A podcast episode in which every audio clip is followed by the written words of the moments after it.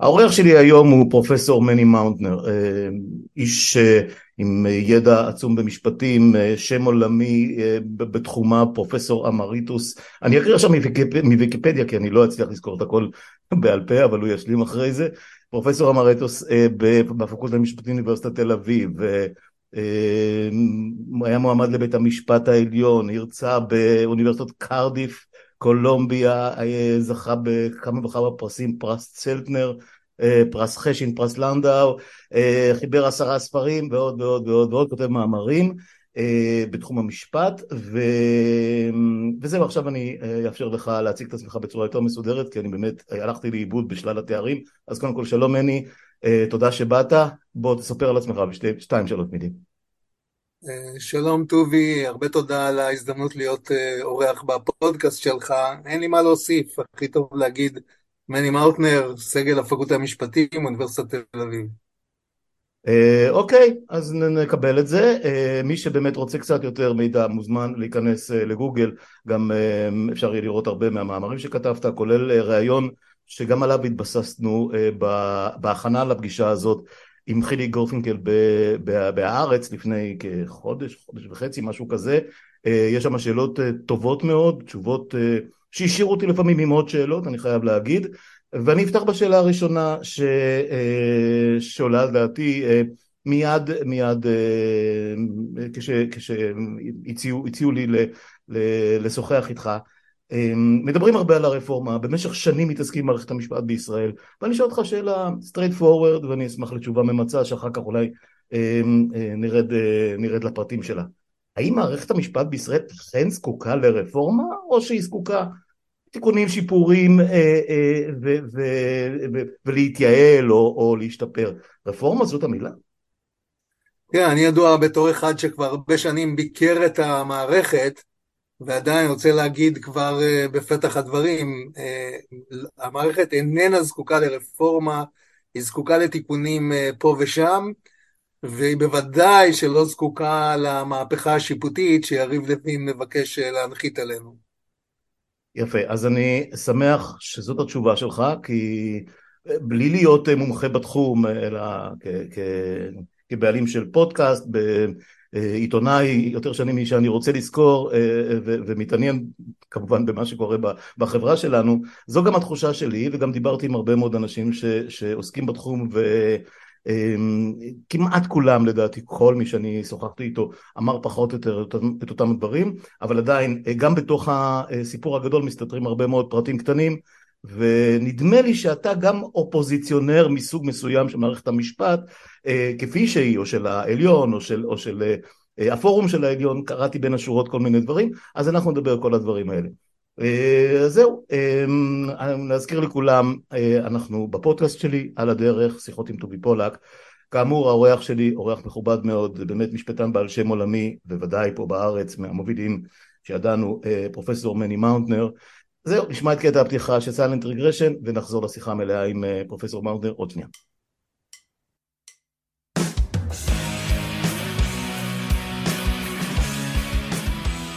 אז כאמור, מני מאונטנר איתי, ואני אכנס ישר לעניינים.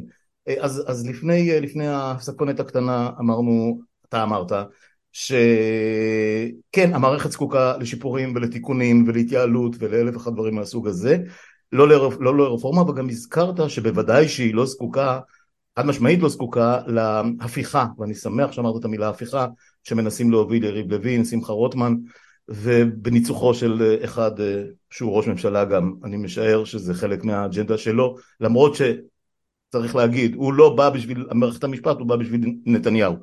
אז אה, בוא, בוא תיתן לי רשימה, אם אתה יכול, רשימת אה, מכולת קצרה של באמת איפה הכשלים והבעיות של המערכת כפי שאתה מכיר אותה? אז קודם כל אני רוצה להגיד משהו שלא שמעתי אותו נאמר הרבה מדי. הבעיות העיקריות במערכת המשפט שלנו בכלל לא במערכת בתי המשפט. קיימות בעיות במערכת בתי המשפט, למשל עומס כבד מדי של השופטים, לפי הנתונים שאני יודע, אה, הרציו בין מספר השופטים לבין גודל האוכלוסייה בארץ הוא מהגרועים שבמדינות ה-OECD. פרוצדורות הניהול של המשפטים זקוקות לתיקון וכולי, אבל אני רוצה אולי טיפה להפתיע אותך, טובי. הבעיה העיקרית היא בכלל לא במערכת בתי המשפט, הבעיה העיקרית היא בפרקליטות המדינה. זה האיבר החולה בעיניי של מערכת המשפט. וצריך להבין, פרקליטות המדינה זה הגוף העוצמתי באמת במערכת המשפט. כאן אפשר לקחת אדם ולהעמיד אותו לדין, וממש להחריב את חייו. כל מי שהכיר אנשים שהועמדו לדין יודע, זה התופעות הקשות האלה שאתה לא יכול לישון מעבר לארבע בבוקר, ולא יכול להתרכז בכלום, ואנשים מפסידים את מקומות העבודה שלהם, ובריאותם נפגעת, כל התופעות האלה אנחנו מכירים. אני חושב שהרקורד של פרקליטות המדינה בעשורים האחרונים מראה שיש שם בעיות לא פשוטות בתרבות הארגונית שלהם. דהיינו, הם לא מאזנים כנראה נכון בין הצורך שלהם להביא להרשעה לבין שמירה על הזכויות של נאשמים. ובשיחות קודמות, בדיונים קודמים בעניין הזה, אני הצעתי שתוקם ועדה ציבורית לבדיקת התרבות הארגונית של פרקליטות המדינה. זה משהו שלא נעשה עשרות שנים. הפרקליטות מתפקדת ומתנהלת בתוך איזושהי אינרציה של עשור, עשרות שנים. צריך לעשות רפלקציה מהצד על הדבר הזה. אני רוצה להביא דוגמה שממחישה למה כל כך חשוב לעשות את זה. אני רוצה ללכת רגע לארצות הברית. כשברק אובמה התמנה לנשיאות שלו והתחיל את הכהונה ב-2009, בקדנציה הראשונה, הוא מינה אדם בשם אריק הולדר להיות שר המשפטים שלו. כשהולדר נכנס לתפקיד הוא גילה שהיה אדם בשם טד סטיבנס, שהיה עשרות שנים סנטור של מדינת אלסקה, כל ארה"ב ידעה שהוא מושחת, עשרות שנים, ובסוף העמידו אותו לדין על שחיתות כספית, והצליחו לגרום לכך שהוא יורשע, והוא הפסיד את, ה, אה, את התפקיד שלו כסנטור של מדינת אלסקה, אגב ברוב קטן. בקיצור, ניקו את המערכת מאדם שכולם ידעו שהוא מושחת. כשאובמה מינה את אריק הולדר להיות שר המשפטים שלו, הולדר גילה שהתביעה לא מסרה להגנה של טד סטיבנס מידע מסוים שהיה יכול לסייע לו בניהול ההגנה שלו. למה הכוונה? הייתה איזושהי התבטאות של עד מרכזי במשפט של סטיבנס לפני המשפט, שלא עלתה בקנה אחד עם העדות שלו בבית המשפט. ועכשיו ההתפתחות המדהימה שקורית אחרי ששר המשפטים מגלה את הדבר הזה, שהיה בידי התביעה חומר ולא מסרו אותו להגנה. הוא, הודיע, הוא שלח את האנשים של פרקליטות המדינה האמריקאית לבית המשפט לבטל את ההרשעה של הסנטור הזה, שהושגה בדי עמל. אחר כך הוא אמר שהוא יעמיד לבדיקה משמעתית את ההתנהגות של אנשי הפרקליטות שהעלימו חומר מההגנה, ואחר כך הוא אמר שאם יקרו מקרים כאלה, אנשים שיהיו מעורבים יפוטרו. קראתי את המאמרים הענקיים שכתבו בוושינגטון פוסט ובניו יורק טיימס בעקבות זה, כולם אמרו, שר המשפטים החדש מסמן לפרקליטות, מי שיתנהג באופן לא נאות יורחק מתפקידו ויפוטר. עכשיו, בישראל היו מקרים לא, אני לא יודע אם רבים, אני לא ספרתי, אבל היו מקרים בולטים, שבהם התביעה החזיקה חומרים ולא שיתפה בהגנה את החומרים האלה. אני חושב שהמקרה של חיים רמון הוא דוגמה טובה למה שאני אומר.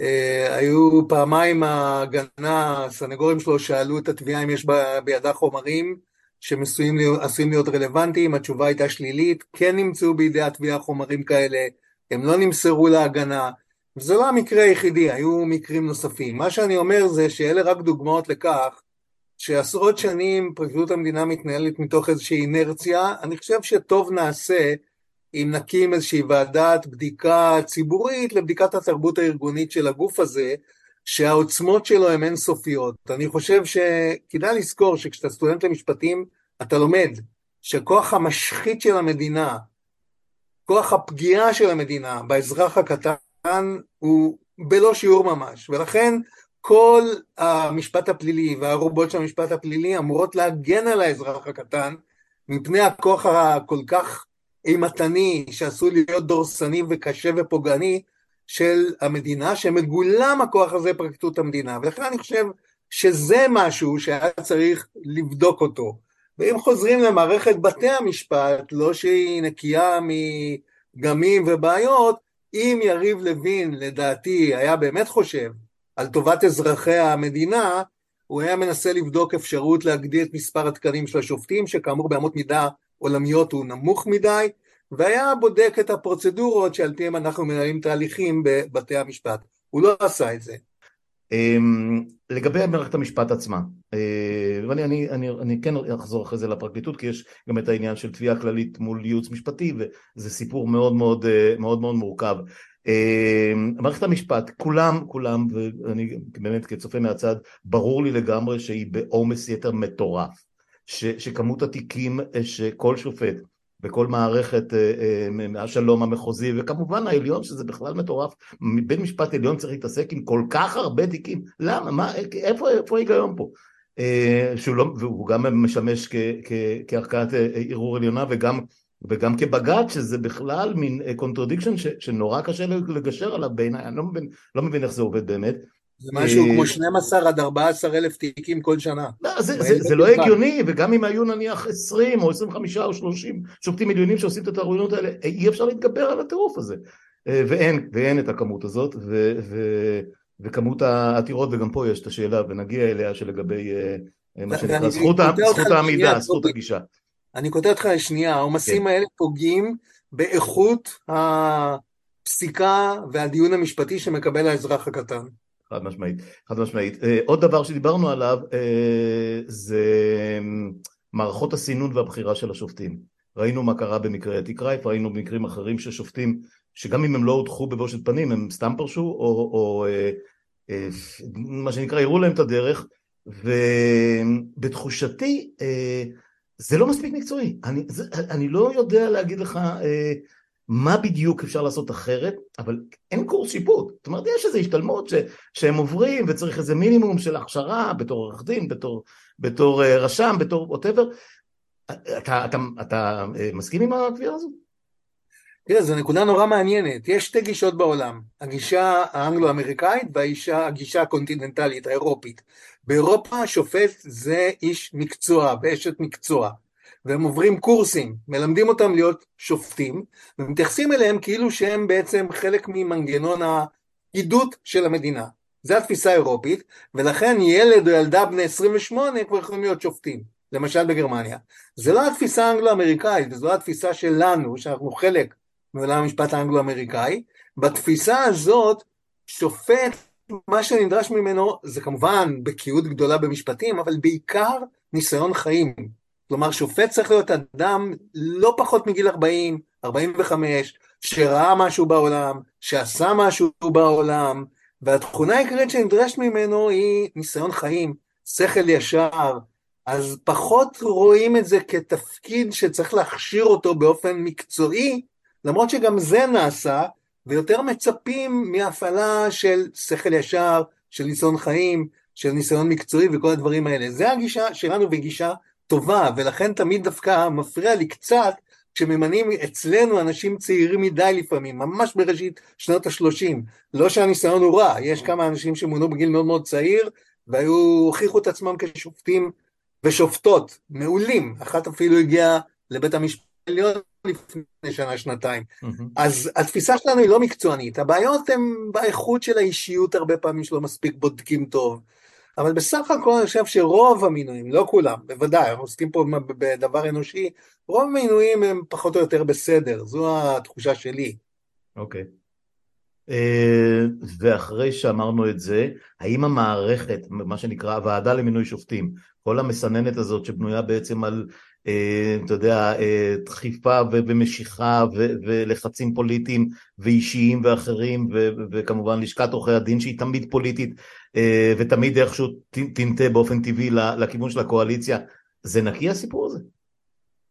תראה, אני אולי אפתיע, אבל אני אגיד, אני חושב שהמצב הנוכחי, המבנה הנוכחי, ההרכב הנוכחי של הוועדה למינוי שופטים הוא לא רע בכלל. זאת אומרת, יש שם שלושה נציגים של בית המשפט העליון, שני שרי ממשלה, שאחד מהם הוא שר המשפטים שעומד בראש הוועדה למינוי שופטים, שני חברי כנסת שהמסורת, הם נבחרים בבחירות חשאיות אגב, והמסורת היא שאחד מהם הוא נציג האופוזיציה ושני נציגים של לשכת עורכי הדין.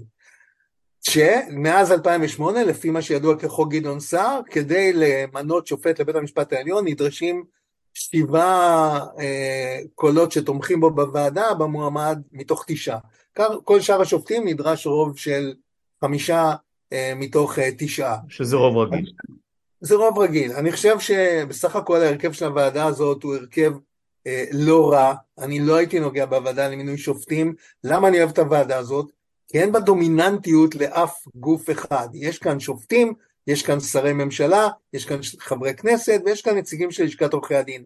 ואני אוהב דווקא את המצב שבו הגופים השונים האלה מביאים אינפוטים שונים לתהליך, וגם מגיעים בסוף לפשרות, כשאני מבין אגב, לפעמים גורמות לכך שאנשים יחסית בינוניים ימונו. Mm-hmm. אבל אני אוהב את המצב הזה, בניגוד למצב שיריב לוין למשל, רוצה להוביל אותנו אליו, וזה דומינון, דומיננטיות מוחלטת של המערכת הפוליטית בתוך הוועדה למינוי שופטים. אז אני חושב שההרכב הנוכחי הוא טוב, הייתי מוסיף אולי עוד שני אישי ציבור, כן, משוררים, סופרים, פובליציסטים, עיתונאים, יכול להיות שצריך להגדיל את מספר הוועדה, חברי הוועדה ל-11, אבל העובדה שזה גוף מנומר, שזה גוף שמורכב מכמה וכמה גורמים, שמביאים כאמור אינפוטים שונים, והם צריכים להגיע לפשרות ביניהם, זה נראה לי המצב הנכון והטוב, ואני לא הייתי נוגע בוועדה למינוי שופטים, שהיא כעת עומדת אה, בעין הסערה ממש.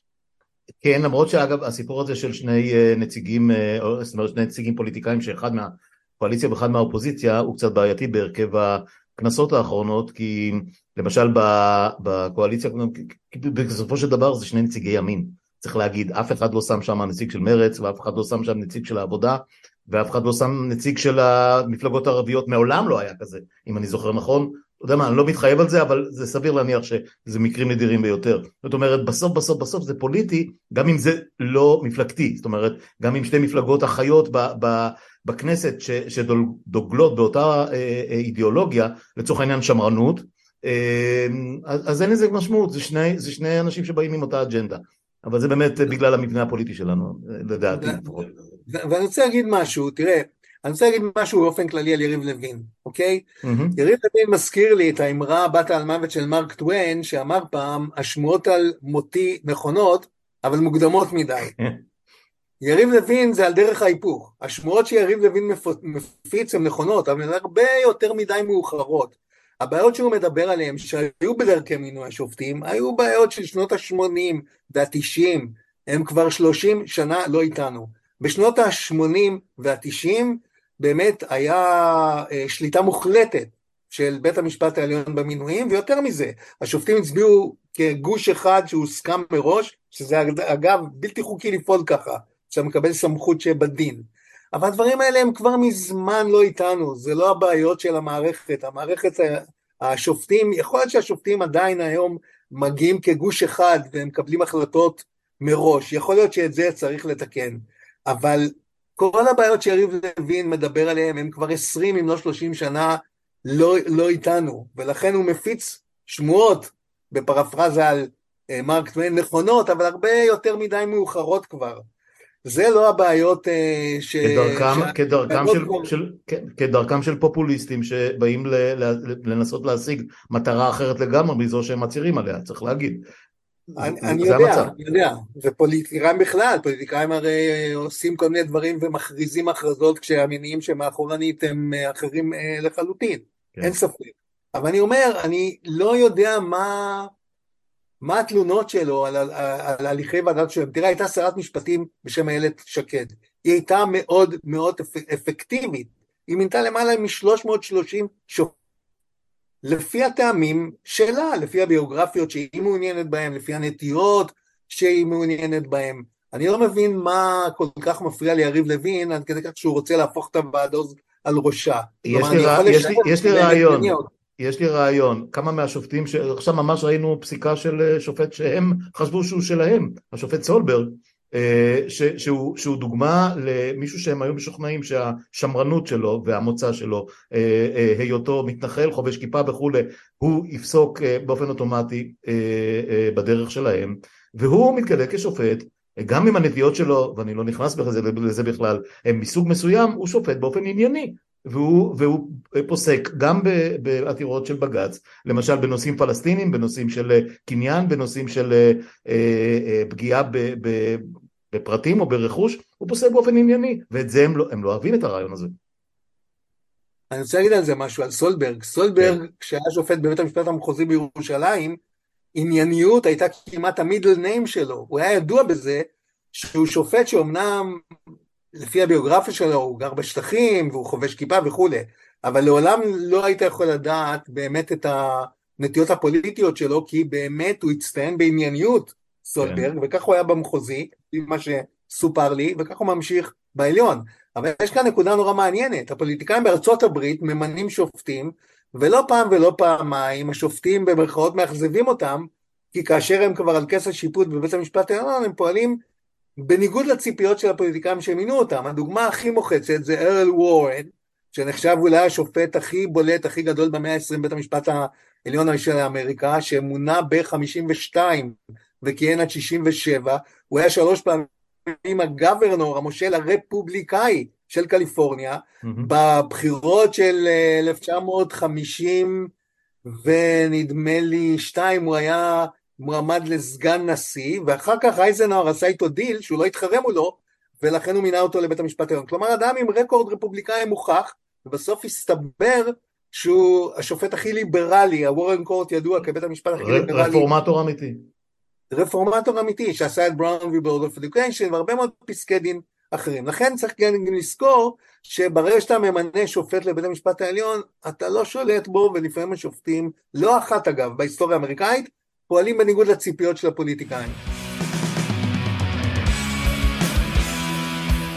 אה, אני מבין לגמרי, ובגלל זה לדעתי, זה מה שמסתתר מאחורי הוונדטה הבאמת מוטרפת הזאת של לוין ורוטמן, למנות אה, שופטים שהם לא ענייניים והם לא ימנים ולא שמרנים, אלא שופטים מטעמם. שופטים שיהיו עושי דברם של הפוליטיקאים שמינו אותם. נכון ששופט גם כזה יכול בסופו של דבר להפתיע, אבל הם יבדקו טוב טוב אם הוא אה, שלהם או לא שלהם. אני מסכים, וזאת השאלה, למה הם רוצים לשלוט בבית המשפט העליון? אה, לזה יש, לזה יש אה, שלוש תשובות שאני מכיר, בואו נראה אם כל, כל, כל אות לדעתך. אשמח לשמוע וללמוד. אז אוקיי, אז, אז, אז דעתי היא כזאת, אה, הימין המתנחלי אה, רוצה למנוע כל פינוי של כל מתנחל שהוא, של כל קרוון שהוא, מכל שטח, לא משנה אם הוא שטח פרטי פלסטיני, אם הוא נלקח בגזל ובגניבה וברמאות ואני לא יודע מה, והם רוצים לבצר את שלטון, שלטון ה... נקרא לזה הנרטיב המתנחלי בבג"ץ בכל, בכל הערכאות, זה אחד. החרדים כמובן, סיפור הגיוס וההתניה שבין גיוס לתקציבים, בין גיוס. לזכויות, זכויות של יוצאי צבא, זכויות אה, של קרקעות, כל, כל מה שאנחנו מכירים, ונתניהו, נתניהו שיודע שיום אחד עניינו אה, עלול, עשוי להגיע לפסיקה סופית בפורום כלשהו של העליון, והוא לא רוצה להיכנס לכלא. אלה שלושת, הר... של... שלושת הרגליים, ש... שלוש הרגליים שעליהם אני חושב שהעסק הזה עומד. אני חושב שאתה צודק, אחד הדברים המעניינים במשבר הקטסטרופלי הנוכחי, זה כאן, שיש כאן ריבוי של מוטיבציות, ריבוי של שחקנים וריבוי של מוטיבציות. המוטיבציות של בנימין נתניהו הן לאו דווקא המוטיבציות של יריב לוין, נכון. ובטח לא של איתמר בן גביר ובצלאל סמוטריץ', ולא של יצחק גולדקנופ וכולי וכולי. אז יש כאן ריבוי של מוטיבציות. אני רוצה להציע אבל מוטיבציה נוספת, והיא חשש, אין לנו ראיות ביד שמה שאני הולך להגיד הוא קיים. אבל הימין הישראלי קשור בצורה חזקה לימין האמריקאי, ומסתבר שיותר ויותר גם לימין האורבני של הונגריה. עכשיו, בימין האמריקאי מסתובבות uh, מחשבות שהם יחוללו שינויים כאלה בשיטות הבחירה שהדמוקרטים מעולם לא ישובו יותר לשלטון. וזה גם המיית לב שנשמעת ורואים אותה בפרקטיקות בהונגריה, בפולין ואפילו בטורקיה. והחשש הוא שהימין הישראלי אימץ את הרעיון, הרעיון העבעי, האיום והנורא הזה, של להתבצר בשלטון כך שפעם אחת ולתמיד נתבצר ומכאן ואילך היריבים הפוליטיים שלנו, החלופות הפוליטיות שלנו לא יוכלו יותר לשוב לשלטון. ולכן הם מנסים להשתלט על בית המשפט העליון ואחרי זה להעביר סדרה של חקיקות, למשל, שיגבילו מאוד את אה, חופש הבחירה של האזרחים הערבים, שהם שייכים באופן טבעי למחנה הפוליטי המנוגד, סדרה של חקיקות שיבצרו אותם בשלטון להרבה מאוד שנים, באופן שאי אפשר לקחת מהם יותר את השלטון, כאמור בין השאר על ידי הקטנת זכות הבחירה של האזרחים הערבים. אלה חשדות שמנסרים באוויר בגלל באמת קשרים הדוקים מאוד, הדוקים מדי לטעמי, בין הימין הישראלי לבין הימין האמריקאי, לבין הונגריה, לבין פולין, לבין אה, מה שקורה בטורקיה. כן, זה יפה. אה, אה, שמחתי שהעלית את הקטע האמריקאי, כי קודם כל יש פה, יש פה שני, שתי מגמות שלא מתחברות בהכרח. זאת אומרת, ל, לימין האמריקאי, האוונגליסטים והאולטרה שמרנים והטראמפיסטים שהם גרסה מתקדמת יותר של מסיבת התה וכן הלאה, הם יודעים שהדמוגרפיה לרעתם. זאת אומרת, מספרית, מספרית נכון. הם הולכים ונעשים מיעוט, והם נלחמים על ה-white supremacy, או איך שהם קוראים לזה, העליונות הלבנה, אה, אה, כל, כל, כל ה... אה, המנטרה הזאת של מי זה המהגרים האלה, הצבעונים שבאו לנשל אותנו, אם זה ההיספנים, אם זה השחורים, אם זה היהודים, אם זה האיטלקים, אם זה מי שזה לא יהיה שם, והם יודעים שככל שיעברו השנים הם יאבדו אחיזה. אז זה, זה מצד אחד הגישה האמריקאית. בצד שלנו זה קצת טיפשי, זאת אומרת, כי, כי, כי הדמוגרפיה הולכת בכיוון ההפוך, אה, לפחות לפי כל הסימנים שאני מכיר, אה, היא הולכת לכיוון ולטובת הימין הישראלי, חרדים, אה, ימנים בהגדרה כמו, כמו אנשי ליכוד, חרדלים כמו ש"סניקים וסמוטריצ'ים למיניהם. אני חושב שהסיפור עם האמריקאים הוא, הוא, הוא סיפור קצת שונה, הוא פשוט הנחלת גישה ליברטריאנית אה, אה, של ניאו-ליברלית מטורפת שאנחנו רואים אה, מתוצרת קהלת שזה ארגון לכל דבר בעניין אמריקאי שמביא את, ה, את האג'נדה שלו עמוק לתוך, לתוך הנרטיב הישראלי שהוא, שהוא בגדול זר לו. ופה אני חושב הבעיה הכי גדולה ואם זה נכנס למערכת המשפט זה בכלל קטסטרופה מוחלטת. זו, זאת התחושה שלי. אני חושב שאתה צודק שההשוואה בין הימין האמריקאי לישראלי מעניינת באמריקה באמת מה שמטריד את הימין האמריקאי זה באמת בעיה דמוגרפית, מעניין, אה, היספנים וכולי, וגם זה שמשאלי דעת קהל מראים שאנשים מתחת לגיל 40 יש רוב ברור לבוחרים דמוקרטיים דווקא. כן, כן ליברליים, כן, נכון. ליברליים. האנשים הצעירים באמריקה הם ברוב די ברור, אני חושב, תומכים דווקא במפלגה הדמוקרטית mm-hmm. ובמה שהיא מייצגת. ובישראל אני לא רואה את הבהלה הגדולה שהימין הישראלי היה צריך אה, להיכנס אליה, ועדיין קיים החשש, אם אף אחד כמובן לא יצהיר על הדברים שאמרתי, אבל יש אה, בלשון המשפט ראיות נסיבתיות, כן? יותר מדי קשרים בין הימין האמריקאי לימין הישראלי, קהלת זה דוגמה אחת, יש לי הרבה מה להגיד אה, על קהלת ועל השמרנות, זה כניסה של כוחות אמריקאים למשפט, לתרבות הפוליטית שלנו, שהם לאו דווקא בעיניי משמחים וראויים לתמיכה, אלא ממש להפך. אני כתבתי נגד... סכנה ברורה ומיידית, זה, זה נורא. סכנה ברורה ומיידית, כתבתי לא אחת בשנתיים שלוש האחרונות נגד יבוא של השמרנות האמריקאית, קהלת, אם זה גוף ליברטריאני, ניאו-ליברלי, אני מתנגד לו, אני חושב שהניאו-ליברליזם היה לא פחות מאסון ציוויליזציוני מאז שנות ה-80, שהרס אין סוף חלקות טובות ב... מתאצ'ר דרך רייגן ועד, ועד לטראמפ. ועד לטראמפ ועד uh, ל, למה שהיה פה הניאו-ליברליזם. לגמרי. ש... דיברת על איילת שקד, אה, אה, בנט ושקד בגדול הכניסו אותם בדלת הקדמית, צריך, צריך להגיד, אנשים מתר, מתרפקים היום על הממשלה שהייתה, סליחה, גם סער אגב במידה רבה, הם, הם, הם, הם נתנו להם קארט בלאנש, וזה מפחיד, תשמע, בלי קשר למשפט, אתה יודע. לגמרי, לגמרי, ואני לא שוכח שבנט היה שר החינוך שהכניס בהמונן את בנות השירות הלאומי הדתיות. כן. אה, להוראה בבתי הספר שלנו, וגדעון סער קבע הרי שכל ילד אה, במערכת החינוך ילך לביקור בחברון. כן. כן. אז אה, קשה להתפעל מהאנשים האלה יותר מדי, אני, לפחות לי קשה. אני, אני מסכים איתך ועוד לא דיברנו על הקוקואיזם האולטרה ימני האמריקאי שהוא, שהוא באמת, אתה יודע, מוליך אותנו אם זה מכהנא דרך אה, דוקטור גולדשטיין, דרך אה, אה, נערי הגבעות מכל מיני סוגים ומינים, זה, זה מורשת שנורא קשה להתמודד איתה כי היא לא מדברת, דיברתי על זה עם אבי שגיא לא מעט, מדובר בשפות שונות אומרת, אנחנו גדלנו בשפות מסוימות, זה לא פלא שהם לא, שהם לא מכירים ולא מספידים אנשים כמו מאיר שלו או יונתן גפן. זאת אומרת, זה בכלל לא עובר לידם, הם לא מכירים בכלל על מה מדובר, זה עד כדי כך. תראה, זה שסמוטריץ' לא יודע אנגלית, זה דבר הרבה יותר עמוק ממה שזה נקרא. ויש לו דרכון אמריקאי אגב, שזה מצחיק. יש לו דרכון אמריקאי? כן. זה מוזר. כן. תראה, הוא לא יודע אנגלית, כי הוא בעצם עומד בשביל גישה תרבותית שעל פיה ישראל לא צריכה להיות מחוברת תרבותית למערב, אלא צריכה להיות מחוברת תרבותית להלכה. הוא תלמידו של הרב יצחק גינזבורג, או לפחות אה, דוגל בערכים של הרב יצחק גינזבורג. גינזבורג, אגב, קיימת חפיפה בינו לבין כהנא, זה שני עיקרים. אחד, זה בוז עמוק לתרבות המערבית, גם גינזבורג של סמוטריץ' וגם כהנא של בן גביר. א', בוז עמוק לתרבות המערבית, ובמיוחד לדמוקרטיה הליברלית שלה, ורצון ושאיפה להחליף את הדמוקרטיה הליברלית בשלטונו של מלך המשיח שיפעל על פי ההלכה, ובשני המקרים, למרבה הצער, עיקר אמונה שני זה גם הטרנספר. זאת אומרת שאסור לאף ערבי לחיות בגבולות ארץ ישראל המקראית.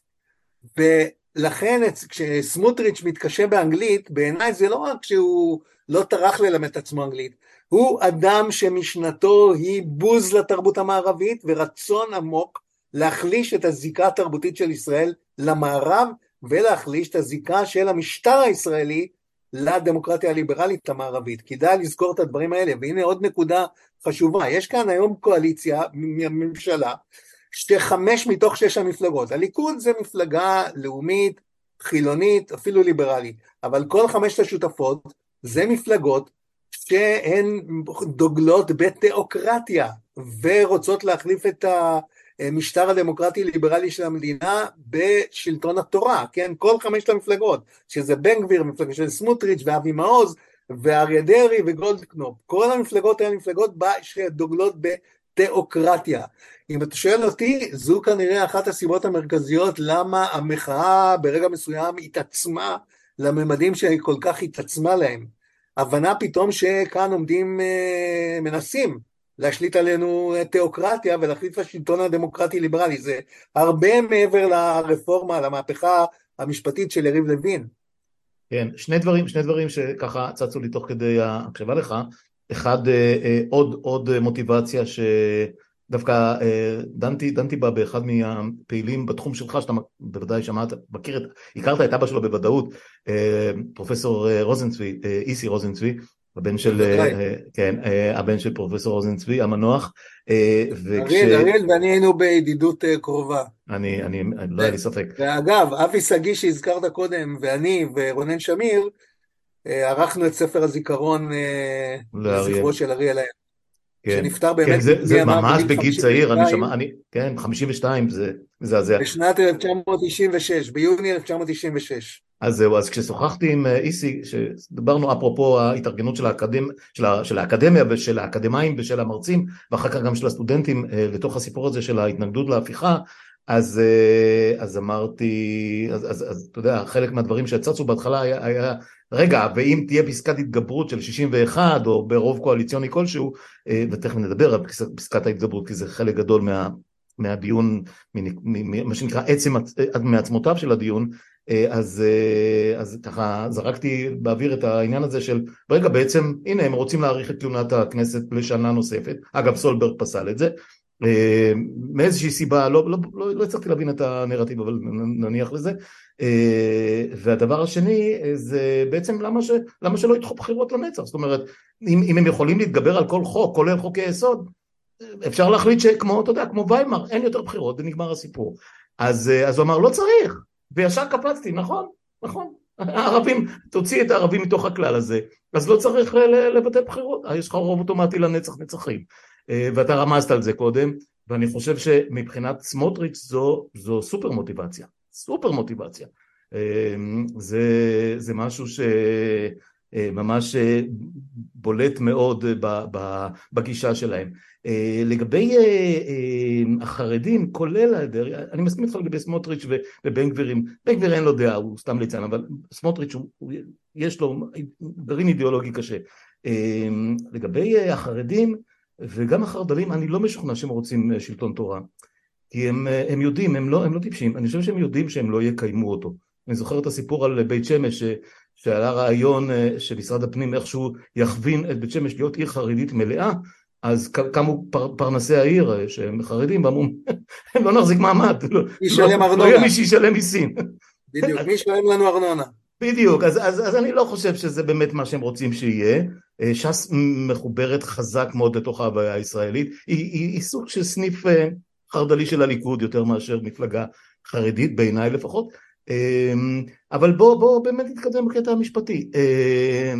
הסיפור, הסיפור של, של פסקת ההתגברות, עכשיו יש, יש דוגמאות של אנגליה ודוגמאות של ארה"ב ודוגמאות של פה ודוגמאות של שם, אמ, אני, קשה, לי, קשה לי להתחבר לאף אחד מהדוגמאות כי, כי השיטות שונות, אולי אנחנו דומים יחסית לאנגליה, אבל גם שם יש אה, שני בתי אה, לורדים ואלף ואחד דברים.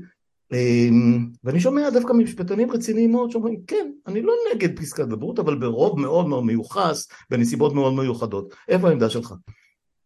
תראה, זו נקודה נורא מעניינת גם, כי המחאה להזכיר לכולנו, הרפורמה של יריב לוין להזכיר לכולנו התחילה בדיון בפסקת ההתגברות ובשאלת הסבירות, ואחרי זה דנו במינוי היועצים המשפטיים במשרדי הממשלה ובמינוי שופטים בוועדה למינוי שופטים. אז היו כאן ארבעה דברים, והראשון שבהם היה פסקת ההתגברות. מכל ארבעת הדברים האלה, פסקת ההתגברות כרגע זה הדבר שכמעט לא מדברים עליו, על uh, העניין של הסבירות כמעט לא מדברים, פחות מדברים על מינוי יועצים משפטיים במשרדי הממשלה, ומדברים בעיקר על נושא הרביעי שצץ רק בהמשך הדרך למרכזיות ותפס מרכזיות וזה המינויים אה, בוועדה למינוי שופטים, כן? השליטה בוועדה למינוי שופטים והרכבה. הנושא של פסקת ההתגברות הוא לא הנושא החשוב בעיניי, הנושא הזה אני חושב אפשר לפתור אותו די בקלות על ידי כך שנחליט שמותר באמת לבית המשפט העליון לפסול חוקים של הכנסת לאור ההוראות של חוקי היסוד, אבל יעשו את זה בהרכב אה, מורחב, כלומר היום זה יכול להיות בהרכב של שניים נגד אחד, לפסול חוק אה, של הכנסת. אני חושב שבאמת הכיוון כאן הוא כיוון אה, נכון, שידרש רוב הרבה יותר גדול, מדברים על עשרה מתוך חמישה עשר, שנים עשר מתוך חמישה עשר. אתה מדבר פה לא על, לא על הרוב הקואליציוני, אתה מדבר על הרוב בבית המשפט העליון. בבית המשפט העליון. Okay. אוקיי. עכשיו, כדי, כדי לפסול חוק בבית המשפט העליון נדרש רוב מסיבי. אה, זה ו... גם לא קורה כל כך הרבה בסופו של דבר, שזה בכלל מוציא אותי מדעתי. זה לא קורה הרבה. ובאותם מקרים שזה יקרה, אני לא בטוח שבכלל נצטרך אה, פסקת התגברות, כי אם יש לך גוף של בית המשפט העליון, שעם 15 שופטים, שעשרה או 12 מתוכם פוסלים חוק, אז מידת ההצדקה כבר לפסקת התגברות, לסיבוב נוסף מטעם הכנסת, נראית לי די נמוכה. הנושא השני שדנו בו זה עניין הסבירות, ותן לי ברשותך להגיד כמה מילים עליו. בוודאי. אה, מה זה סבירות? סבירות זה בעצם הפעלה של עקרונות משפטיים על ידי בית משפט. זה כותרת להפעלה של עקרונות משפטיים. אף משפטן בר דעת בעולם לא מעלה בדעתו ששופטים יכולים לפעול רק לפי ה-black letter law, האות הכתובה של המשפט, mm-hmm. הכללים הכתובים. כל שופט, כל משפטן בר דעת בעולם מבין ששופטים מפעילים עקרונות. תן לי להביא דוגמה נורא נורא נחמדה, שהיא קלאסית בחשיבה המשפטית. בסוף המאה ה-19 היה נער צעיר שלא עלינו רצח את סבו. ואחר כך הוא בא ואמר, לפי צוואתו של סבי, אני היורש שלו, אז עכשיו אני מבקש לקבל את הרכוש של סבי. אז אמר לו בית המשפט האמריקאי, כן, לפי דיני הצוואות, לפי ה-black letter של דיני הצוואות, אתה באמת היורש של סבך. אבל המשפט לא מורכב רק מכללים, חינך בית המשפט את הנער הצעיר הזה. יש במשפט גם עקרונות, ואחד מהם הוא שאין חוטא נשכר, ולכן אתה לא יכול לרשת את טובך, מה גם שכמובן אם היו פוסקים לטובת הנער הזה, היה נוצר תמריץ בלתי ניתן לכיבוש, דחף בלתי ניתן לכיבוש, לנערים צעירים לרצוח לא עלינו וחלילה וחס את הסבים שלהם. מה שקורה בארצות הברית יותר מדי, אבל זה באמת דיון אחר לגמרי. קורה יותר מדי. אז זו דוגמה שמראה שאי אפשר להפעיל את המשפט בלי עקרונות, והסבירות היא בסך הכל כותרת להפעלת עקרונות. אלא מה? הבעיה היא אחרת לגמרי, הבעיה היא שדוקטרינת הסבירות שלנו, העקרונות, שימשה להפעלה של אקטיביזם שיפוטי. זה מה שהפריע ליריב לוין. לא הסבירות, אלא השימוש בדוקטרינת הסבירות כקולב דוקטרינלי משפטי להפעלה של אקטיביזם שיפוטי. ולגבי אקטיביזם שיפוטי, אני חושב שבית המשפט בהחלט הרחיק לכת בהרבה מאוד uh, פעמים, ביקרתי את זה לא אחת ולא פעמיים, אבל שוב, לא מדברים על זה, לא אכנס לדיון הזה. אני חושב שאנחנו נשארים כעת עם שני נושאים אחרונים שהם על הפרק. אחד זה מינוי היועצים המשפטיים או האופן שבו יתפקדו היועצים המשפטיים במשרדי הממשלה. היום אנחנו מצפים מהיועצים המשפטיים במשרדי הממשלה לחנך את עצמם לכך שהם נאמני הציבור, הנאמנים שלך ושלי ושל כל האזרחים. השינוי שהימין ויריב לוין רוצה לחולל הוא שהיועצים המשפטיים יגדירו את זהותם העצמית כיועצים משפטיים שיש להם נאמנות אישית לשר שממנה אותם ושאיתו הם פועלים. משרת אמון, חושב... כמו מנכ"ל וכמו סמנכ"ל. בדיוק ככה, אבל זה לא מנכ"ל. נכון. תן לי להשתמש רגע ב... בשפה נמוכה ברשותך. משרד הממשלה לא שייך לאבא של השר. משרד הממשלה, שהיועץ המשפטי מכהן בו, הוא לא עסק פרטי, זה טעות בקטגוריה, כן? היה פילוסוף אה, בשם ג'ילברט רייל, שדיבר על ה-category mistake. לבוא ולהגיד שלהיות יועץ משפטי בתאגיד זה כמו להיות יועץ משפטי במשרד ממשלתי, זה בדיוק a category mistake. למה? כי שר אמור להיות נאמן הציבור כולו, הוא לא אמור לפעול לטובת האינטרסים שלו או של משפחתו, הוא אמור לפעול לטובת הציבור, והיועץ המשפטי שלו אמור לשמור עליו כך שהוא יפעל לטובת האינטרס הציבורי. אנחנו מבינים שפוליטיקאים לפעמים פועלים לאו דווקא על טובת האינטרס הציבורי. יש להם כל, אה, בוחרים שהם רוצים לה, באופן פרטיקולרי להשביע את רצונם, תורמים שהם חייבים להם, בוחרים עתידיים. בשביל זה יש יועץ משפטי ליד השר, שאמור לשמור שכמה שיותר השר יפעל לטובת האינטרס הציבורי.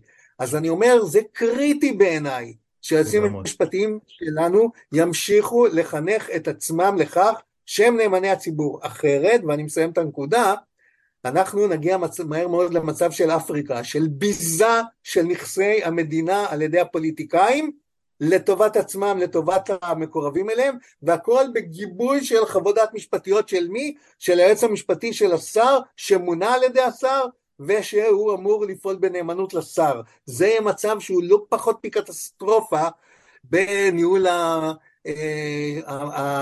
המינהל הציבורי שלנו. אז אני חושב שצריך להסיר מעל הפרק את הרעיון הרע מאוד הזה שהיועצים המשפטיים מכאן ואילך יהיו נאמני השר ולא נאמני הציבור. השר לא פועל כאן בבית ה... במפעל התעשייתי של אבא שלו, הוא פועל כאן כנאמן של כולנו וכך צריך לפעול השר וכך עד כמה שאפשר ולא תמיד אפשר וכך צריך לפעול היועץ המשפטי שלו. עכשיו נשארנו עם הבעיה של אה, מינוי השופטים, ועל זה אני חושב שכבר דיברנו, אני חושב כן. שההרכב הנוכחי של הוועדה למינוי שופטים הוא הרכב לא רע בכלל, אתה יודע, האנגלים הרי אומרים כידוע, If it works, don't fix it. Don't touch it, כן, כן, זה ברור. אז אני חושב ש-it works quite well.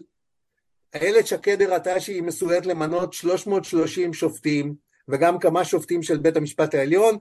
לא צריך לתקן את הוועדה למינוי שופטים, מקסימום, אני אוהב, אה, הייתי מוסיף אנשי ציבור. אני אומר שוב, אישי ציבור זה בעיניי סופרים, משוררים, פובליציסטים, עיתונאים, אנשי אקדמיה לפעמים, דיקנים לשעבר, זהו, לא צריך לשנות. השינוי שיריב לוין רוצה לחולל זה שינוי שיאפשר שליטה מוחלטת של הפוליטיקה בוועדה למינוי שופטים. ומונטסקיה עוד ב-1748 אמר לנו שאם רשות אחת שולטת בכל שלושת הרשויות, זהו המתכון לעריצות.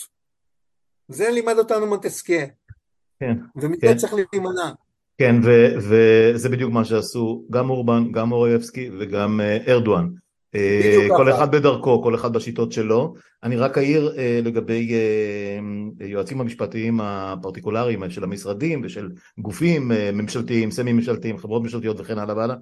ש, שזה צריך לחול וזה חל עקרונית, אה, אה, תיאורטית, גם על החשבים של אותם, אה, של אותם גופים שהם כפופים לחשב הכללי ולא להנהלת המשרד, זה נכון. אחד, אבל כשגופים מהסוג הזה או שרים מהסוג הזה או ראשי ממשלות, ראש ממשלה ספציפי אחד לצורך ההמחשה, מתעקש, או הוא או בני משפחתו או כולם ביחד, תשמע, הביזה מתחוללת לנגד עינינו כבר עשרים 30 שנה אולי, אה, עם, עם אבות בית ועם, אה, ועם הטבות ועם חוקי מתנות ועם אלף ואחד דברים. זאת אומרת, צריך שהתרבות הפוליטית תהיה תואמת לעקרונות, לאיזמים המאוד אוניברסליים ועקרוניים כמו שאתה הצגת אותם עכשיו של אה, יועצים משפטיים ושל חשבים כלליים. בפועל אנחנו רואים שגם האנשים הטהורים והטובים ביותר אה, שיושבים במקומות האלה לא תמיד מצליחים אה, לעמוד על דעתם. זה לא פשוט בכלל.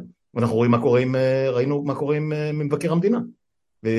כן, אני רוצה להזכיר שהמשפטנים, או משפטנית אחת נדמה לי, במשרד ראש הממשלה עמדו בפרץ עד גבול מסוים, אישרו, אישרו הרבה יותר מאשר היו מאשרים לך ולי.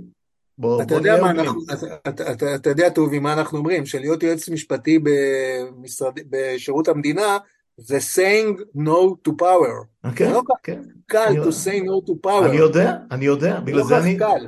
אני מסכים איתך לגמרי, אני מסכים איתך, זה, זה אגב מגיע לאו דווקא, לאו דווקא לכסף, זאת אומרת הכל בסופו של דבר מתוארם לכסף, אבל סתם הבטחת בני המשפחה, מטורף, ו- והם יצרו אה, ועדה, צ'חנובר נדמה לי, פרופסור צ'חנובר היה, היה עמד בראשה, ופרופסור לא, הוא לא זוכר, אה, אה, אבל, אבל יש מין ועדה כזאת ש, שמחליטה על הבטחת סמלי שלטון, אז הבן הזה הוא סמל שלטון, והבן השני הוא סמל שלטון, והאישה היא סמל שלטון, וזה לא נגמר, והם לא מצליחים להגיד להם לא.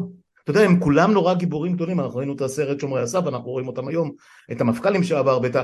תמיד אחרי שהם לא בתפקיד הם גיבורים גדולים מאוד, אנחנו נאמנים לממלכה ולא למלך ואנחנו פה ואנחנו שם. כשהם היו בתפקיד, ואני זוכר את הימים האלה, נדב ארגמן, ראש השב"כ לשעבר, שנתן ראיון באמת מדהים לאילן הדיין בעובדה, כשהוא היה לפני שנתיים ושלוש ונתניהו פעל באופן ממריד, אני עומד מאחורי המילים שאני אומר עכשיו, הוא פשוט פעל לגרום כאוס פה במדינה, אני לא שמתי לב שהשב"כ עמד על רגליו האחוריות. לא, אתה יודע, אמרו, אולי, הוא הזהיר אותו, לא הזהיר אותו. עזוב, אף אחד לא יתרשם. אבל נניח לזה כרגע. אמרת מילה חשובה נוספת. אני כן. הוספתי שהיועצים המשפטיים במשרד ראש הממשלה עמדו בפרץ כמיטב יכולתם, כן. ואתה אמרת תרבות פוליטית. תרבות פוליטית זה הדבר הכי חשוב. יהיה לך את החוקים הכי טובים בעולם, הכי משוכללים, הכי נפלאים, בלי תרבות פוליטית שקובעת מה אפשר לעשות ומה לא מתקבל על הדעת לעשותו, לא תגיע רחוק, לא תצליח לממש את העקרונות ואת הערכים שאתה באמת רוצה. אז צריך לטפח תרבות פוליטית, זה אחד החולאים הגדולים מאוד במדינת ישראל, שהתרבות הפוליטית הולכת ויורדת עם השנים.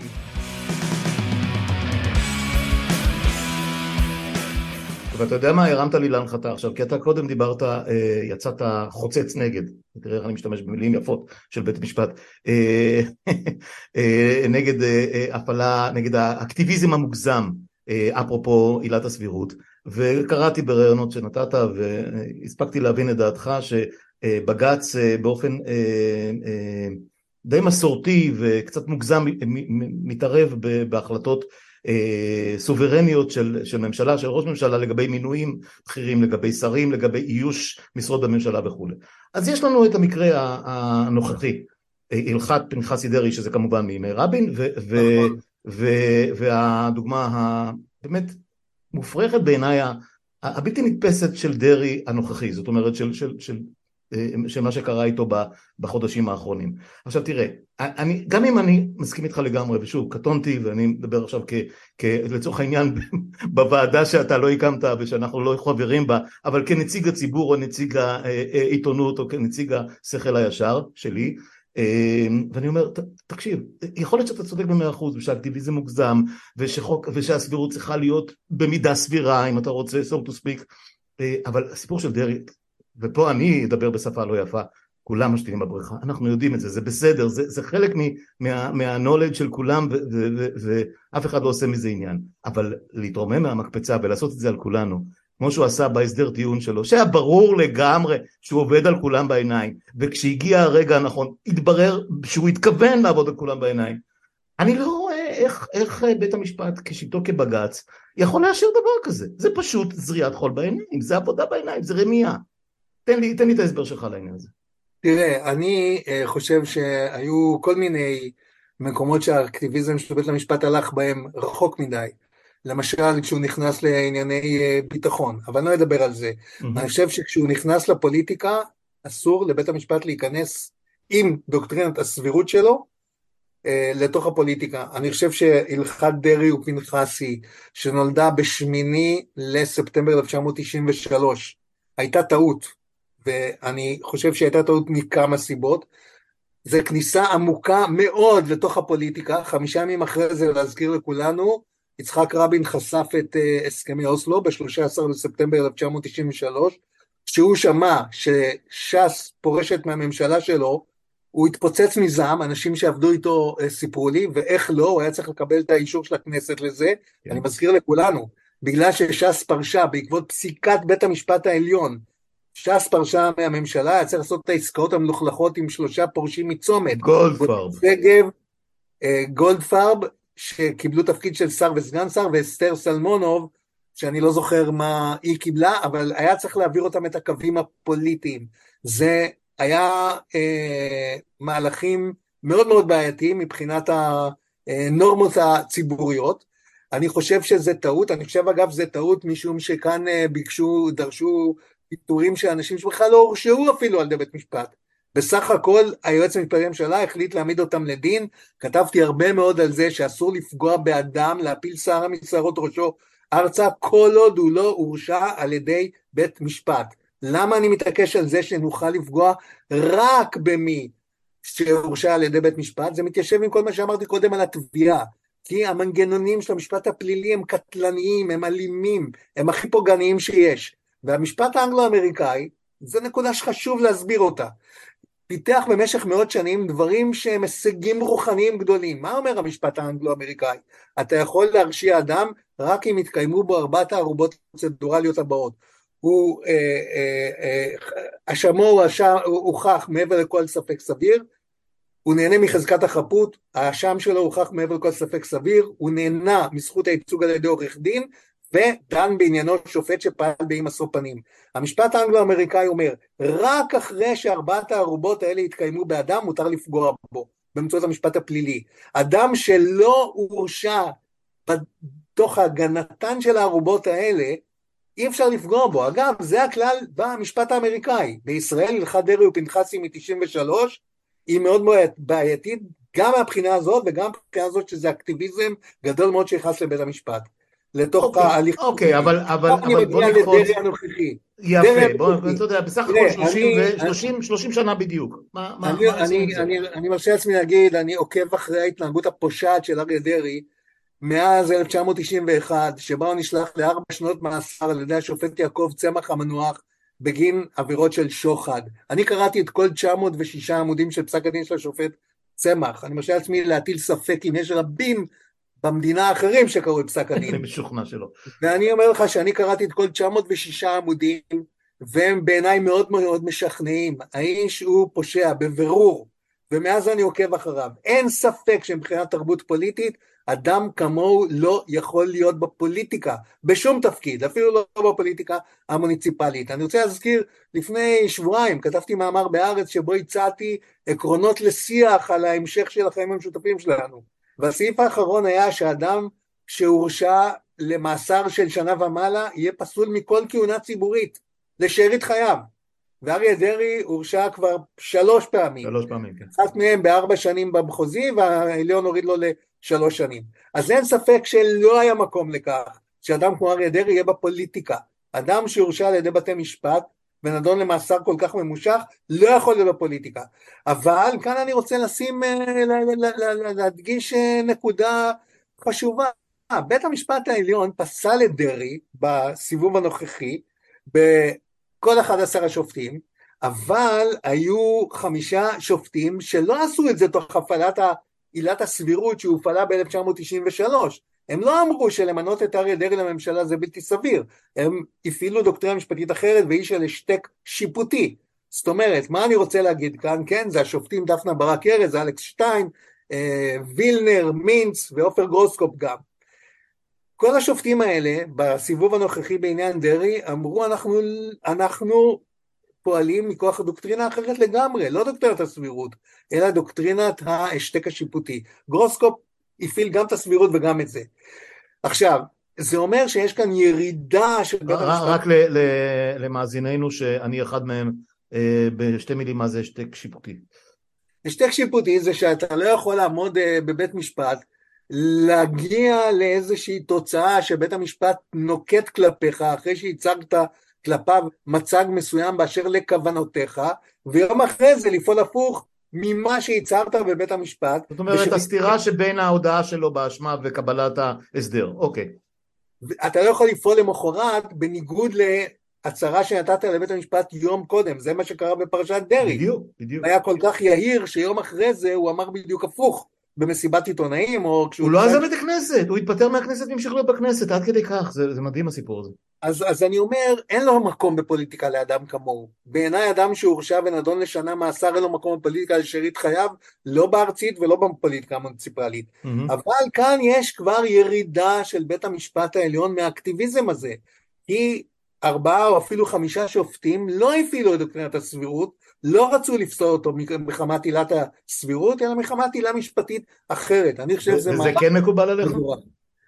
מקובל עליי לגמרי. Okay. אני אוקיי. אומר שוב, לבית המשפט העליון, בית המשפט העליון לא צריך להיכנס לתוך הפוליטיקה ולא צריך להיכנס לעניינים של שרים. המשפט צריך להיות משפטו של הציבור. יכול להיות שהמשפט של הציבור יאכזב אנשים כמוך וכמוני פעם אחר פעם, אבל אנחנו צריכים להבין שהפוליטיקה צריכה לעשות את העבודה שלה, ולא בית המשפט להוציא לנו את ההרמונים הבאושים אוקיי, האלה. אוקיי, אוקיי, אני איתך, אני איתך, תיאורטית, עקרונית, רק בשביל, רק בשביל הדיון, אני לא, אני חייב לציין, אה, אבל שוב, אני באמת אה, אה, קטונתי, אני אגיד משהו אחר, אנחנו יודעים מה זה הפוליטיקה הישראלית, ואנחנו יודעים איך היא עובדת.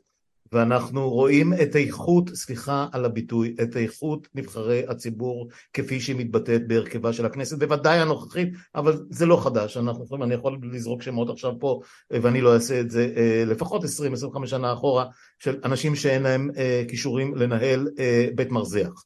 ו... ו... של דבר נדמה לי שהגישה הזאת שאתה מייצג פה, ואני מכבד אותה לגמרי, אבל אני מנסה לחשוב עליי ועל משפחתי ועליך ועל האזרחים בכלל.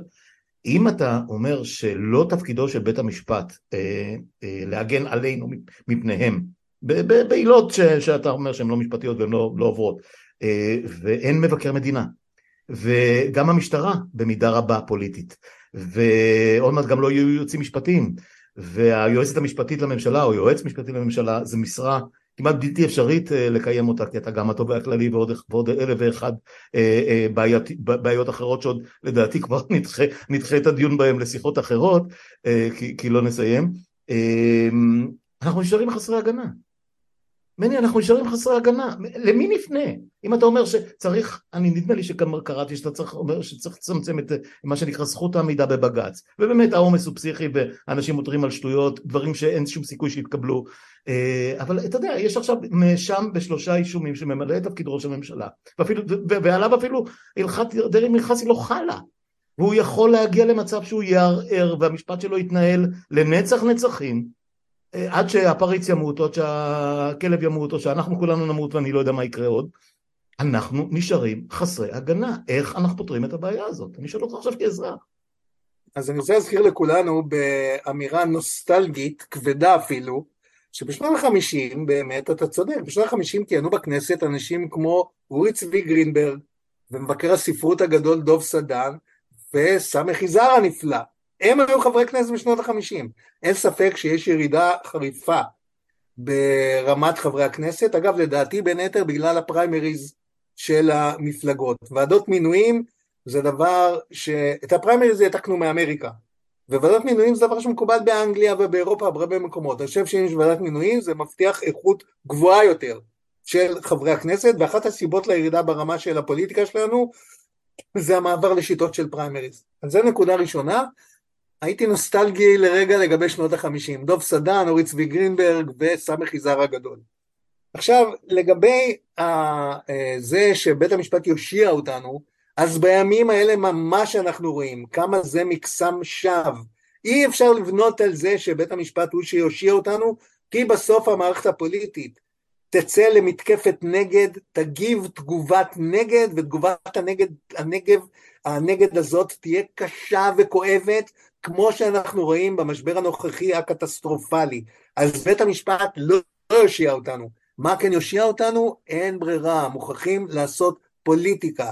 זה עבודה קשה, זה לפעמים לא אסתטי, כן, מי זה? הביסמרק שדיבר על אה, זה שבמטבח הפוליטי קורים כל מיני דברים שלא היית רוצה לראות uh, מה קורה שם וכו'. מפעל, מפעל של נקניקים.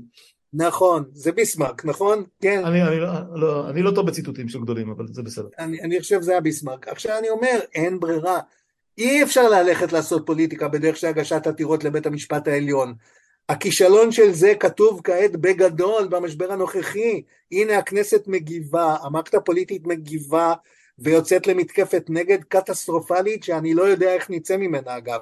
אז אני אומר, בית המשפט העליון לא יושיע אותנו, יש רק דרך אחת לעשות את הדברים האלה נכון, והיא הדרך הקשה והמייגעת והלא תמיד אסתטית, וזה להיכנס לפוליטיקה.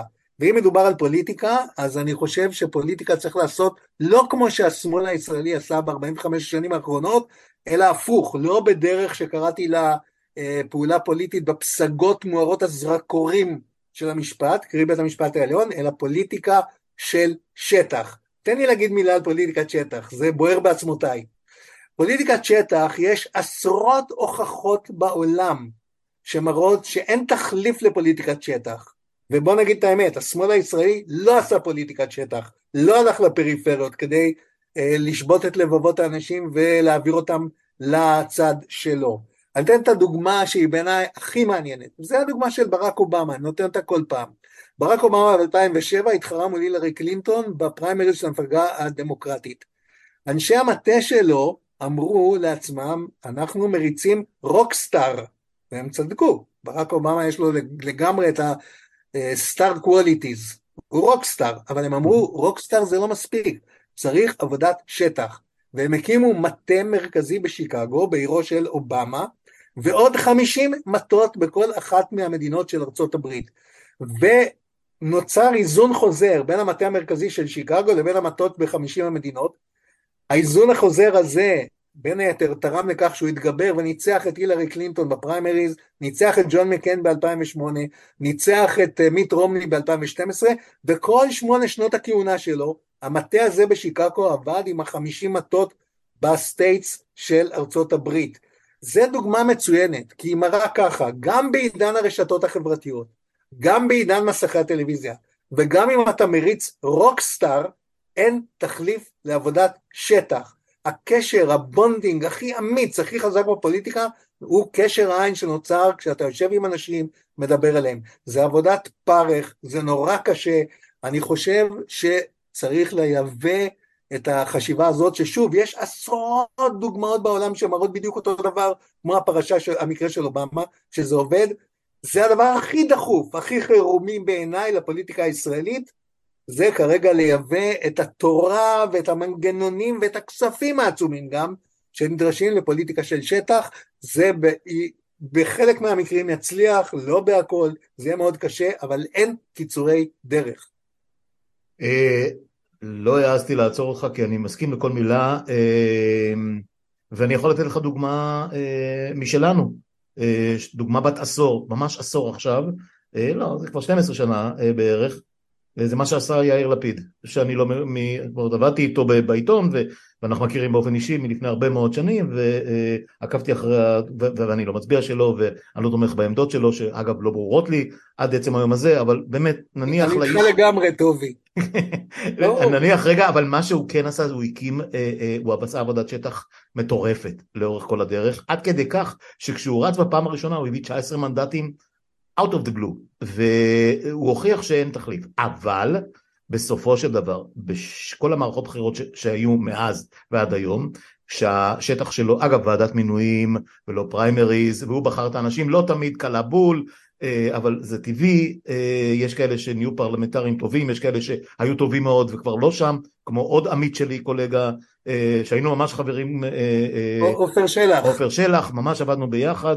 אני חושב שזה אבדה לפוליטיקה. אה, כן, אבל אתה יודע, יש אה, דברים שכמו שמן ומים לא תמיד מתחברים ביחד. אה, הם היו ביחד עד גבול מסוים ובאיזשהו שלב זה לא עבד יותר.